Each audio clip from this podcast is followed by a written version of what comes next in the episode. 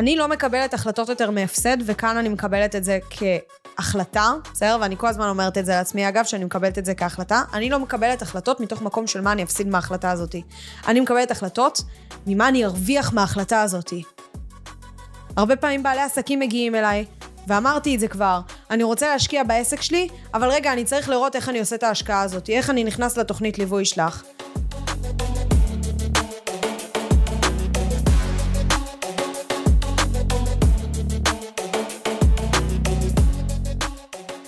שלום לכולם, איזה כיף, עוד פרק סולו, הפעם זה יהיה פרק סולו כזה קצרצר וחמודי, אה, כי החלטתי שאני רוצה לעורר אתכם ולעורר פה את כל העסקים ולעורר גם את עצמי על הדרך, כי זה תמיד קורה בכל שלב, לא משנה כמה אנחנו מתחדדים ומשתחזים בעסק שלנו, תמיד תמיד תמיד יש לנו מה ללמוד, ותמיד אנחנו, הדברים שאנחנו לומדים תמיד חוזרים ופוגשים אותנו שוב ושוב ושוב ושוב, ואנחנו צריכים לתת יותר אנרגיות ויותר פוש ויותר אה, אה, מלחמה ביצרים השליליים שלנו, בשביל לחזק את עצמנו ולעבור עוד מכשולים שכל הזמן הולכים ונהיים יותר קשים, אבל הרבה יותר כיפים, כי, כי זה כבר הופך להיות משחק, משחק נגד עצמכם. אז בואו נדבר היום על השם של הפרק, שזה כאילו התחיל מהשם, בדרך כלל אנחנו מתחילים את הפרקים כזה, ואז אחרי זה חושבים מה יהיה השם של הפרק, אה, אבל כשישבנו ככה על האסטרטגיה של הפודקאסט, והם שאלו אותי, תהילה, החברה בעצם, אה, חברת ווידו, שאתם רואים, ואני שרופה עליהם, אה, שאלו אותי, תהילה, למה את עושה את הפודקאסט הזה? כאילו, למה, למה את חושבת שאת תהיי שונה? למה את רוצה מלכתחילה לעשות פודקאסט? יש לך אינסטגרם פגז, את יכולה לפתוח עוד רשת חברתית ונגמר הסיפור, למה את באה לעשות פודקאסט?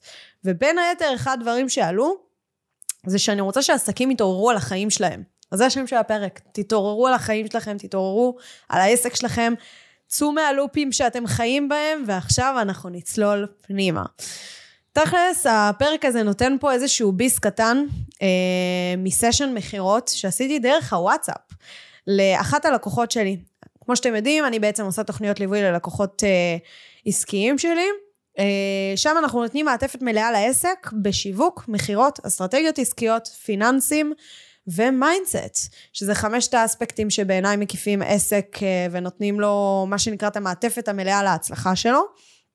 אה, עכשיו מן הסתם כבר הלקוחות שלנו עוברים אה, תוכניות ליווי עם המנטוריות, עם בנות ובנים שהכשרתי בצוות שלי, אה, שנותנים את המעטפת המלאה לאותו בעל עסק, ואני עדיין נמצאת שם בכל התהליך, נמצאת בקבוצת הוואטסאפ, מפדבקת אותם, מקיפה את כל הדבר הזה ונותנת פה אסטרטגיה שלמה לכל זה. וככה, אחת הלקוחות שנכנסה אלינו בעצם לתוכנית ליווי, באתי להגיד לפודקאסט, נכנסה אלינו לתוכנית ליווי, אחד הדברים הכי, הכי שהיא הייתה צריכה לעבוד עליהם, זה המכירות אצלה בעסק. כי בסופו של יום, אם מסתכלים שנייה, נתונים, עזבו אם הגיעו לה נגיד 200 או 300 איש לוובינר, או אם הגיעו לה 50 איש לוובינר. בסופו של היום, היחסי המרה בין אנשים שהגיעו לוובינר לאנשים שסלקו בסופו של הוובינר ונכנסו לפגישה אישית איתה, ואחרי זה סלקו ועברו לתוכנית ליווי שלה ולא רק לפגישה יחידה, האחוזים היו אחוזים יחסית גבוהים. בסדר? אבל אני חושבת ויודעת מהמספרים ומהסתכלות פנימה שבסופו של היום היא יכלה לעשות אפילו אחוזי המרה יותר גבוהים בלי להביא עכשיו מסות של אנשים. זאת אומרת, היא לא הייתה צריכה את ה-300-400 איש בתוך הוובינר כדי לסלוק בכמויות שהיא רוצה לסלוק. היא פשוט הייתה צריכה לסלוק יותר מהכמות הקיימת שלה. ועל זה היא באה לעבוד בתוכנית ליווי. אז ממש יצרנו לה אסטרטגיה עסקית שלמה של איך היא מביאה לוובינר ואיך היא עושה אתגר, ואחרי האתגר איך היא מביאה לוובינר באמת, ואחרי הוובינר איך היא מביאה לפגישה, ואחרי הפגישה איך היא גורמת לאנשים שהגיעו לפגישה להיכנס לתוכנית ליווי. וכשהגענו לרגע האמת, מן הסתם היא נכנסה לפחד מאוד מאוד גדול, אה, נעשה על זה סשן בפני עצמו, אבל היא בדיוק נתקלה בחלק של הפיתוח העסקי שלה, שהכי הכי הלחיץ אותה, בסדר? כי זה החלק שבעצם הכי הלחיץ אותה, ולכן אה, אה, ככה זה נורא ישב שם, אבל לא משנה, נדבר על זה בפרק אחר. אה, מה שקרה אצלה, זה שזהו, הגענו לשלב שהיא עושה את הוובינר, ומוכרת כבר את הפגישות שלה, ואחרי שהיא עשתה את הוובינר ומכרה את הפגישה, ובמעמד המרה עצמו, בוובינר, שהיו לדעתי שש בנות, משהו כזה, מישהי רכשה כבר פגישה במקום, או שתיים רכשו פגישה במקום, והיה לה לעשות שיחות לכל הנותרות שהיו בוובינר, אבל לאו דווקא רכשו, וגם שהיו באתגר שלה, שהיה שם סביבות 30 אה, או 40 בנות, שהיא יכלה להרים אליהם טלפונים ולשאול איך היה האתגר, ובסופו של דבר גם להמיר אותם למכירות, כי ככה עושים את זה אנשים, כן, כן. אמ, והיא אמ, נתקלה בשיחה במישהי שאמרה לה, אה, תשמעי איקס, בואו ניתן פה איזה שם בדוי, יצא לי גלית בפרק הקודם, אז בואו נגיד עוד פעם גלית. תשמעי גלית, Uh, האתגר שלך היה ממש מדהים, נתת לי טיפים ממש פרקטיים, הטיפים שהיא נתנה שם זה איך לשים את עצמך קודם כל, לשים את עצמך בפרונט, לשים את עצמך במקום הראשון, זה, היא בעיקר מאמנת לנשים. Uh, היא אמרה, נתת לי טיפים באתגר שהיו כל כך טובים, אבל לא הספקתי עדיין ליישם אותם. אז לפני שאני מתקדמת לפגישה ולליווי ועניינים, אני רוצה רגע ליישם את הטיפים האלו. אני רוצה לתת לכם פה רקע, זה היה הרקע בעצם לסשן מכירות, אני רוצה להקריא לכם בעצם את הסשן מכירות, את האימון מכירות שעשיתי לה, בהודעות, ואני רוצה שתלמדו מזה, ואחרי זה ניתן גם את, ה, את הזווית שלי לכל הדבר הזה. היא אמרה שאחת הנשים שם אמרה את מה שהיא אמרה. טוב, שמעו קטע מצחיק. אז כן, גיליתי את השם של הלקוחה הזאת, קוראים לה מאלי. מהר עצרנו את הפודקאסט, סבבה? בגלל זה אתם רואים פה איזה קאט כזה. עצרנו מהר את הפודקאסט, התקשרתי ללקוחה ואמרתי, תקשיבי, התחלתי לעשות פה פרק על אנשים שצריכים להתעורר על החיים שלהם. האם את מסכימה לי לספר על העסק שלך, לספר את השם שלך, אה, להסביר בעצם מה הסשן מכירות שעשיתי לך וכולי וכולי? אה, האם זה סבבה מבחינתך? את יכולה להגיד לי, לא, הכל בסדר, אני אקליט את הפרק מחדש ואני אתן פה דוגמה אחרת לחלוטין. היא אמרה לי, בטח, באהבה וזה. אז קיצור, אנחנו ממשיכים כרגיל. אתם איתי? יופי, אתם איתי. מצחיק הקטע הזה שהיה פה עכשיו. בקיצור, מלי האלופה, מלי פניג, ממליצה לכם אגב לחפש אותה באינסטגרם וברשתות החברתיות בכלל. תותחית על חלל, והיא בעצם מאמנת נשים לשים את עצמם במקום הראשון, אוקיי? שימו לב, במקום הראשון. למה? כי אותן נשים שהיא מאמנת, זה נשים שחיות את הלופ, את הסדר, את, ה, את השגרה המשעממת של החיים, ומרגישות שאין להן מקום, הן לא חיות מתוך הגשמה. הן סובלות בחיים של עצמם, הן שונאות את הסיטואציה שבהן הן נמצאות, ולכן הן מגיעות למאלי, סבבה? עכשיו, כמו שאמרתי, מאלי עשתה את הוובינר, הגיעו אה, למצב של המכירה, התקשרה לאותם אה, אנשים שהיו בוובינר ולא רכשו בפועל, אמ, והיא שואלת את אותה בחורה, אוקיי, אה, למה את בעצם לא עשית בזמן האתגר את כל המשימות שנתתי באתגר? אז היא אומרת, כי הייתי עמוסה בעבודה. עכשיו, שם עמלי אמרה, אה, אוקיי, טוב, אז תחשבי על זה ותעדכני אותי, וככה היא סיימה את השיחת מכירה. אבל רגע, מלי, בדיוק בשביל זה באנו לעבוד. אז מה עשיתי? שאלתי את מלי את כל הפרטים, זה מה שהיא ענתה לי, אה, וכל זה מתנהל בהודעות וואטסאפ, תשימו לב. רשמתי למלי, בפעם הבאה שאת נמצאת בסיטואציה כזאת, את שואלת, למה לדעתך לא הספקת לעשות את המשימות? ואז היא אמרה, שאלתי, אמרה שהיא הייתה מאוד עמוסה בעבודה. אז רשמתי לה, מלי, אבל זו הסיבה שהן מגיעות אלייך, נכון? כי הן כל היום עמוסות בשגרה ובעבודה ובמטלות הבית ומשפחה וילדים וזוגיות והכל, אבל אין להן שנייה אחת לעצמן. אז השאלה הבאה שאת צריכה לשאול אותה זה, כמובן, קודם כל במה היא עובדת וליצור איזשהו חיבור עם הלקוחה, ולאחר מכן לשאול אותה, אז איך את מתכננת בעצם לפנות זמן לעשות את אותן משימות באתגר? מה בעצם התכנון שלך? ואגב, אני רוצה להגיד לך תודה רבה, אני ממש שמחה שהרגשת שהמשימות באתגר נתנו לך ערך ואת נורא רוצה ליישם אותם. זה משמח אותי ממש, כי ממש עבדתי על האתגר הזה קשה, והכלים שאני נותנת שם חד משמעית יבילו אותך לתוצאות שאת רוצה. ואז מלי אמרה, וואו, זו תשובה תשובה, זו תשובה טובה. ואם היא אומרת בעצם שהיא לא יודעת, אם אותה לקוחה אומרת, אני לא יודעת איך לפנות את הזמן שלי כדי לעשות את אותן משימות שאני נורא רוצה לעשות, ואני יודעת שבהכרח יעזרו בחיים שלי. ואז רשמתי לה, מעולה מלי. אז מה שאת אומרת לה זה ככה, אפשר לי להיות איתך כנה רגע? מצד אחד את אומרת שאת רוצה לשבת על המשימות, כי את מרגישה שהם ייתנו לך כלים טובים לשים את עצמך בראש. מצד שני, את לא רואה ולא יודעת איך לפנות בכלל את הזמן שלך כדי לשבת על אותן משימות. האם את מבינה שיש כאן איזשהו לופ שאת תקועה בו? ואז מן הסתם היא תענה, כן, כי זה ברור כשמש, בסדר? אם היא עונה לא, אז היא סתם באה אה, אה, לבזבז את הזמן לשני הצדדים, היא לא באמת מעוניינת בשום דבר, היא לא רוצה לשנות כרגע את החיים שלה, זה כרגע היא לא רלוונטית, היא צריכה רגע להתבשל קודם כל עם עצמה, כי אנחנו לא, יכול, לא יכולים להכריח את האנשים לעשות משהו שהם לא רוצים. אז מן הסתם היא תענה כן, אני מרגישה שאני, כן, אני רואה את זה, אני נמצאת פה באיזשהו לופ באמת. ואז מלי צריכה לשאול אותה, ואיך לדעתך את יכולה לצאת מהלופ? מה יעזור לך לצאת מאפקט הביצה והתרנגולת שאת נמצאת בו עכשיו? מכירים את אפקט הביצה והתרנגולת? ואפקט הביצה והתרנגולת אומר, מה בא קודם, הביצה או התרנגולת? כי התרנגולת היא זאתי שמטילה את הביצה, מצד שני התרנגולת יוצאת מהביצה. לופ, בסדר? אה, ומה, עכשיו, תשימו לב, זה לופים שאנחנו נמצאים בהם בחיים עצמם, ואנחנו אפילו לא שמים לב, בסדר? בעלי עסקים, לצורך הדוגמה, נמצאים בלופ של מה? אני רוצה להשקיע בעסק שלי, אבל אין לי כסף להשקיע בעסק. אבל מצד שני, אם הם ישקיעו בעסק שלהם, רק אז הם יצליחו לעשות יותר כסף, ואז הם יוכלו להשקיע בעסק, נכון?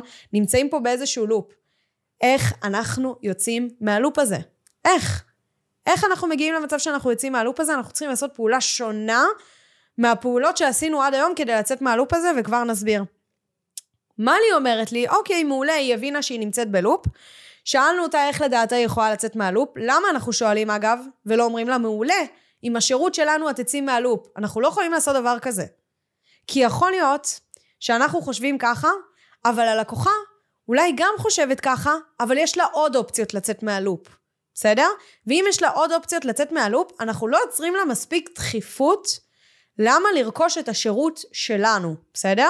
לכן אנחנו תמיד שואלים ורוצים גם שהתשובה תבוא מהלקוחה, כי אם התשובה גם מגיעה מהלקוחה לקחת את השירות שלנו, אז היא כבר מכרה לעצמה.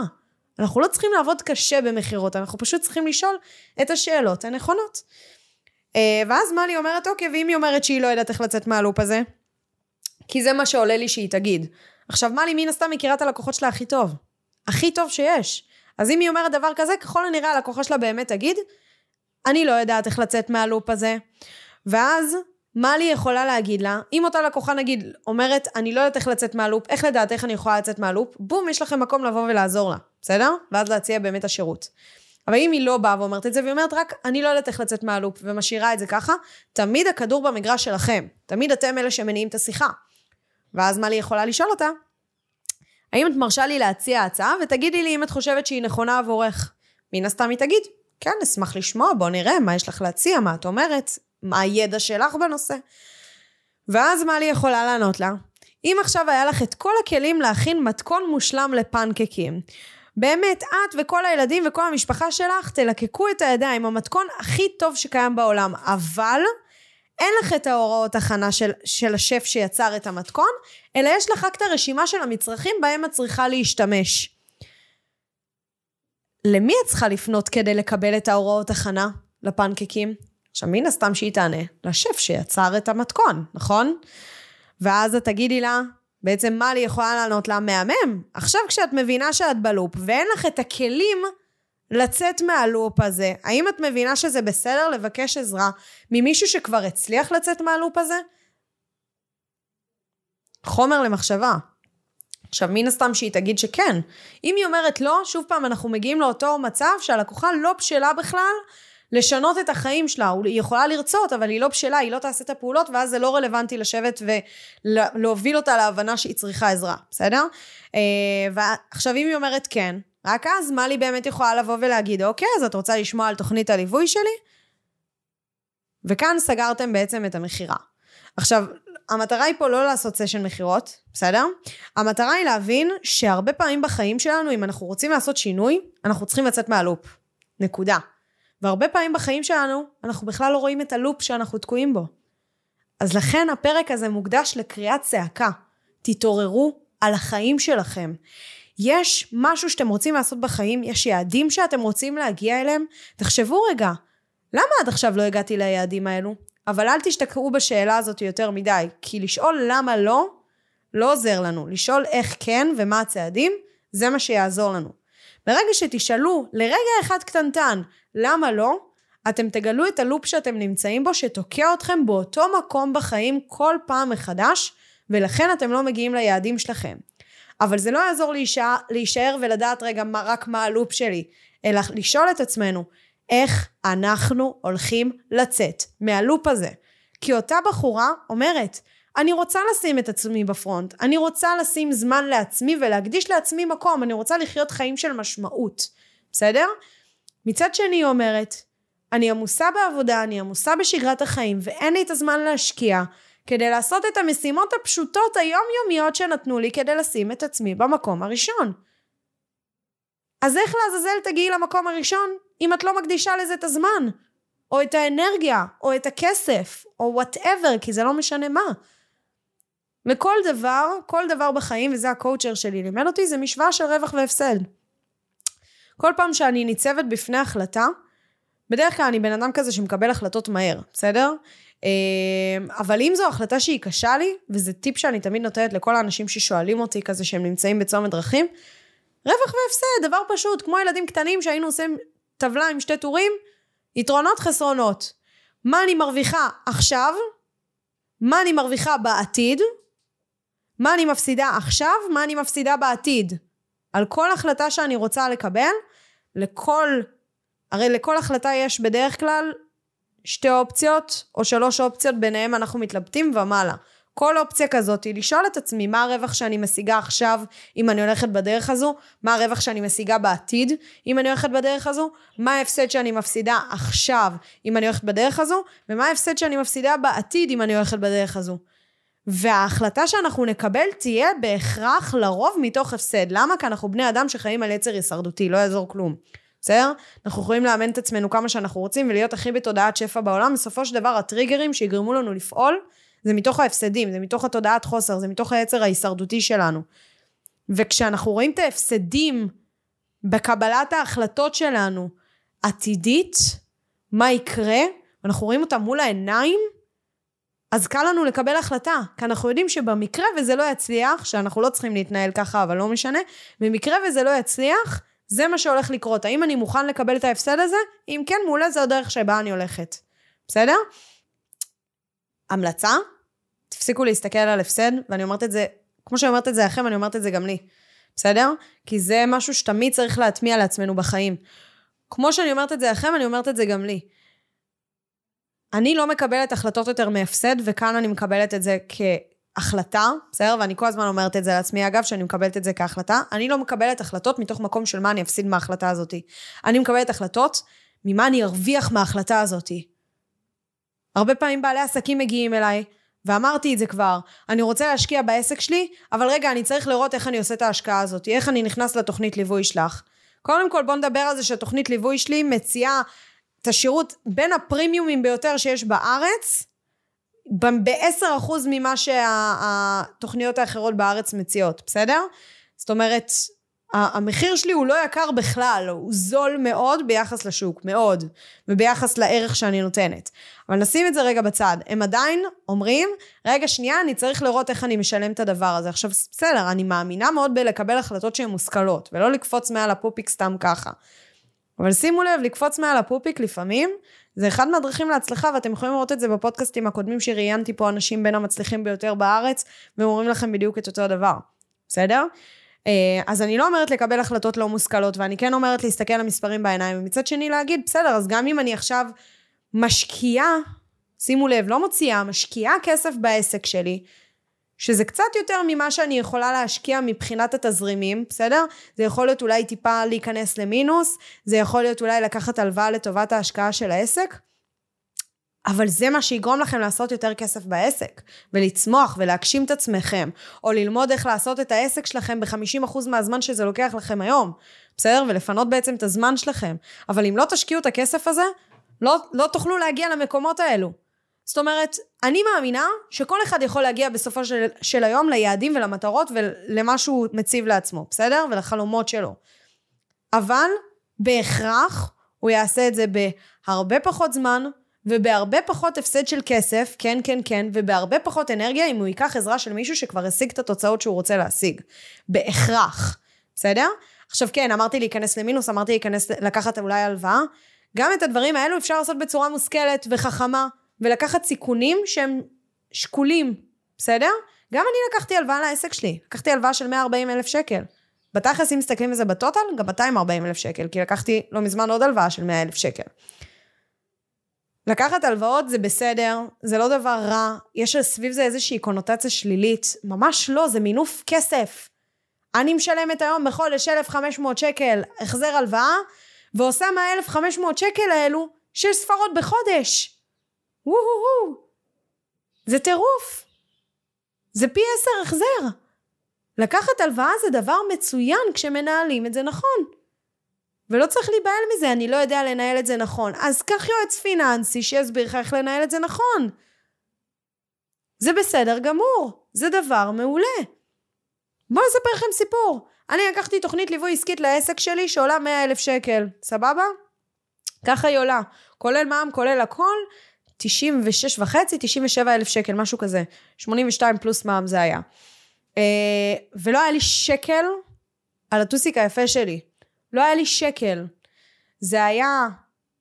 לא משנה מתי זה היה, בסדר? אני לא זוכרת את זה במדויק, אבל לקחתי את זה בחודשים אפילו הכי קשים של העסק שלי, שהייתי במינוס מטורף, בסדר? הייתי על סף פשיטת רגל, והייתה שם מישהי שהיא אחת מהצוות הנהלה של התוכנית, שאמרה לי את הדבר הבא. תקשיבי תהילה, אני רואה שאת נעולה על התוכנית. אני רואה שאת מבינה את הערך, הרי בסופו של יום מה שגורם לאנשים לרכוש או לא לרכוש זה אמון, אמון במוצר ואמון בעצמי, בסדר? אני מאוד מאמינה בעצמי ויודעת שאני אשיג את התוצאות שאני רוצה, והאמנתי במוצר שהיא הציעה לי, בסדר? לכן אין שום סיבה שאני לא ארכוש חוץ מיכולת כלכלית. ולא הייתה לי את היכולת הכלכלית. היא אומרת לי, אני רואה שאת מאמינה בעצמך, אני יודעת שאת תשיגי את התוצאות בוודאות, כי היא בחנה את העסק שלי וכולי, והיא יודעת בדיוק מה הדרך כדי להוביל אותי לרמה גבוהה יותר. אני רואה שאת מאמינה במוצר, אני רואה שאת מאמינה בהכל, הבעיה היחידה היא יכולת כלכלית. אז בואי תקשיבי איך את עכשיו עושה פה טריק לתודעה שלך, ומשנה את כל התפיסה וגורמת לכסף הזה להגיע אלייך, את מזמנת אותו אלייך בכוח מהיקום. היא נתנה לי כלי מטורף, שאני עושה היום גם ללקוחות שלי, כי זה הוביל אותי למקומות פסיכודליים, בסדר? ואני אומרת את זה בשקיפות מלאה, אגב, ללקוחות שלי. כל מי שאני נותנת לו את הכלי הזה, אני אומרת לו איך אני שמתי אותו על עצמי, וזה בדיוק מה שאני באה לספר לכם. התוכנית עולה 100 אלף שקל, בסדר? היא אמרה לי, תקשיבי, תהילה, שימי על החשבון 100 שקל, 200 שקל, 500 שקל, 1,000 שקל, כמה שאת יכולה. שימי כרגע משהו קטן על החשבון, הדבר הזה הוא התחייבות כלפי עצמך. מה זאת אומרת? את כרגע עובדת על המוח שלך, את אומרת, זהו, שמתי כסף, אני נמצאת בתוך התוכנית, עכשיו ייהרג ובל יעבור, לא משנה מה, אני צריכה להשיג את המאה אלף שקל האלו. כי אני כבר בתוכנית. אין פה שאלה של האם אני משלמת או לא משלמת. יש פה שאלה של מה הפעולות שאני צריכה לעשות כדי להביא את המאה אלף שקל האלה ועכשיו. בסדר? ושמתי 500 שקל, אמרתי לה, סבבה, סלקי אותי באשראי 500 שקל, כי אשראי זה עתידי, עכשיו אין לי מאיפה להוציא מהמינוס בבנק. שמתקשרים אליי גם כל שנייה תהילה, מה קורה, תהילה, מה קורה, ואני צריכה לשלם לעובדים, אבל סבבה, נשים את זה לפרק אחר. נראה לי כבר, דיברנו על זה? לא דיברנו על זה, דניאל. לא משנה, נשים את זה בפרק אחר. אמ, ושמתי את ה-500 שקל האלה, ועכשיו כל ה mindset שלי, באמת, היה מושתת אך ורק על איך אני מביאה את המאה אלף שקל האלה. איך אני מביאה את הכסף ומשלמת להם, גם אם צריך בתשלומים, אבל משלמת להם את הכסף הזה, ועושה את זה. נקודה. אין פה שאלה עכשיו של כן או לא. יש פה שאלה של איך כן, נקודה. עכשיו, כמובן שהיא אמרה לי, שמעי, בסוף לא תרצי, ופה ושם נחזיר את הכסף, זה לא בעיה, ואני גם עושה את זה היום ללקוחות שלי, שמר... שאומרים לי, אני צריך את ההתחייבות החיצונית הזו. כמובן, חס וחלילה לא מכריחה אף אחד, אני מעוניינת שכל מי שייכנס אליי ייכנס שהוא all in, וזה מה שהוא רוצה, וזה החלטה שלו לחלוטין במאה אחוז. אמ, שמתי את החמש מאות, לא התחרטתי, זה לא היה שאלה בכלל של האם היא מחזירה לי את ה-500 או לא, זה היה שאלה של נטו איך. וגרמתי לזה לקרות, ותוך חודשיים החזרתי להם את כל המאה אלף שקל האלו, ושילמתי מה שנקרא את כל התוכנית, וזה קרה, כי שמתי לי התחייבות חיצונית. בפרק הזה נתתי לכם כמה כלים לאיך לצאת מהלופ. קודם כל להיות במודעות. דבר שני, אולי צריך את ההתחייבות החיצונית. דבר שלישית, שלישית. דבר שלישי, זה לבקש עזרה מאנשים שהשיגו את מה שאני רוצה להשיג. בסדר? אה, ובסופו של היום, תפסיקו לתת לפחדים לנהל אתכם. בסדר? הפחד קיים. הפחד לא עוזב אותי עד היום. אני כבר נמצאת ברוך השם עם שלושה עובדות. עכשיו, בדיוק אתמול, העסקתי עוד שתי פרילנסרים לעסק שלי, ואני צריכה להביא עכשיו עוד איש מכירות לעסק שלי. מה זה צריכה? רוצה. אני בשלב כזה, אין מה לעשות. ברוך השם, יש הרבה שיחות מכירה, ואני צריכה איש מכירות, איש צוות שיעשה אותם, כי אני לא יכולה לעשות את כל השיחות מכירה האלה, ולהיות האשת מכירות של העסק, שיש לי עוד כל כך הרבה דברים לנהל בעסק הזה. תיקחו את הסיכונים, תפעלו ותעשו למרות הפחד. אל תיתנו לפחד לנהל אתכם, תיתנו לנתונים בשטח. אני אוהבת לקחת את זה למקום רגע טכני, כי אז המשימתית שבי, אני סגנון תקשורת משימתי בין היתר, המשימתית שבי יוצאת החוצה והיא לא נותנת לפחד מקום. זאת אומרת, הוא נמצא שם, הוא קיים, הוא הישרדותי, הוא גורם לי גם לחשוב יותר בהיגיון על דברים, הוא גורם לי לבדוק דברים לעומק ולא לפעול בפזיזות, אבל אני עדיין פועלת. לצד הפחד. וזה הכלי החשוב. אז תתעוררו על החיים שלכם, וקחו את החיים שלכם בידיים, ותנו בראש, ויאללה, צאו לדרך, אני הייתי תהילה. אז זהו חברים, תודה רבה שהאזנתם לפרק שלי. אם יש לכם שאלות או כל דבר, ובכללי אתם רוצים להעיף את העסק שלכם למעלה וללמוד עוד ועוד על עולם העסקים הצומח ועולם השיווק הדיגיטלי, אתם מוזמנים לעקוב אחריי באינסטגרם, קוראים לי שם דיגיטילי בתף ועם רווח, בסדר? תמצאו אותי, אל תדאגו. ממש על ההתחלה. מוזמנים לדרג את הפרק הזה חמישה כוכבים, אני יותר מאשמח, זה יעשה לי שמח בלב, ובכללי, זה יתרום לי להעיף את העסק שלכם עוד יותר למעלה ולהביא לכם לכאן אנשים חזקים שייתנו לכם עוד ערך ועוד מידע. וזהו, נתראה בפרק הבא.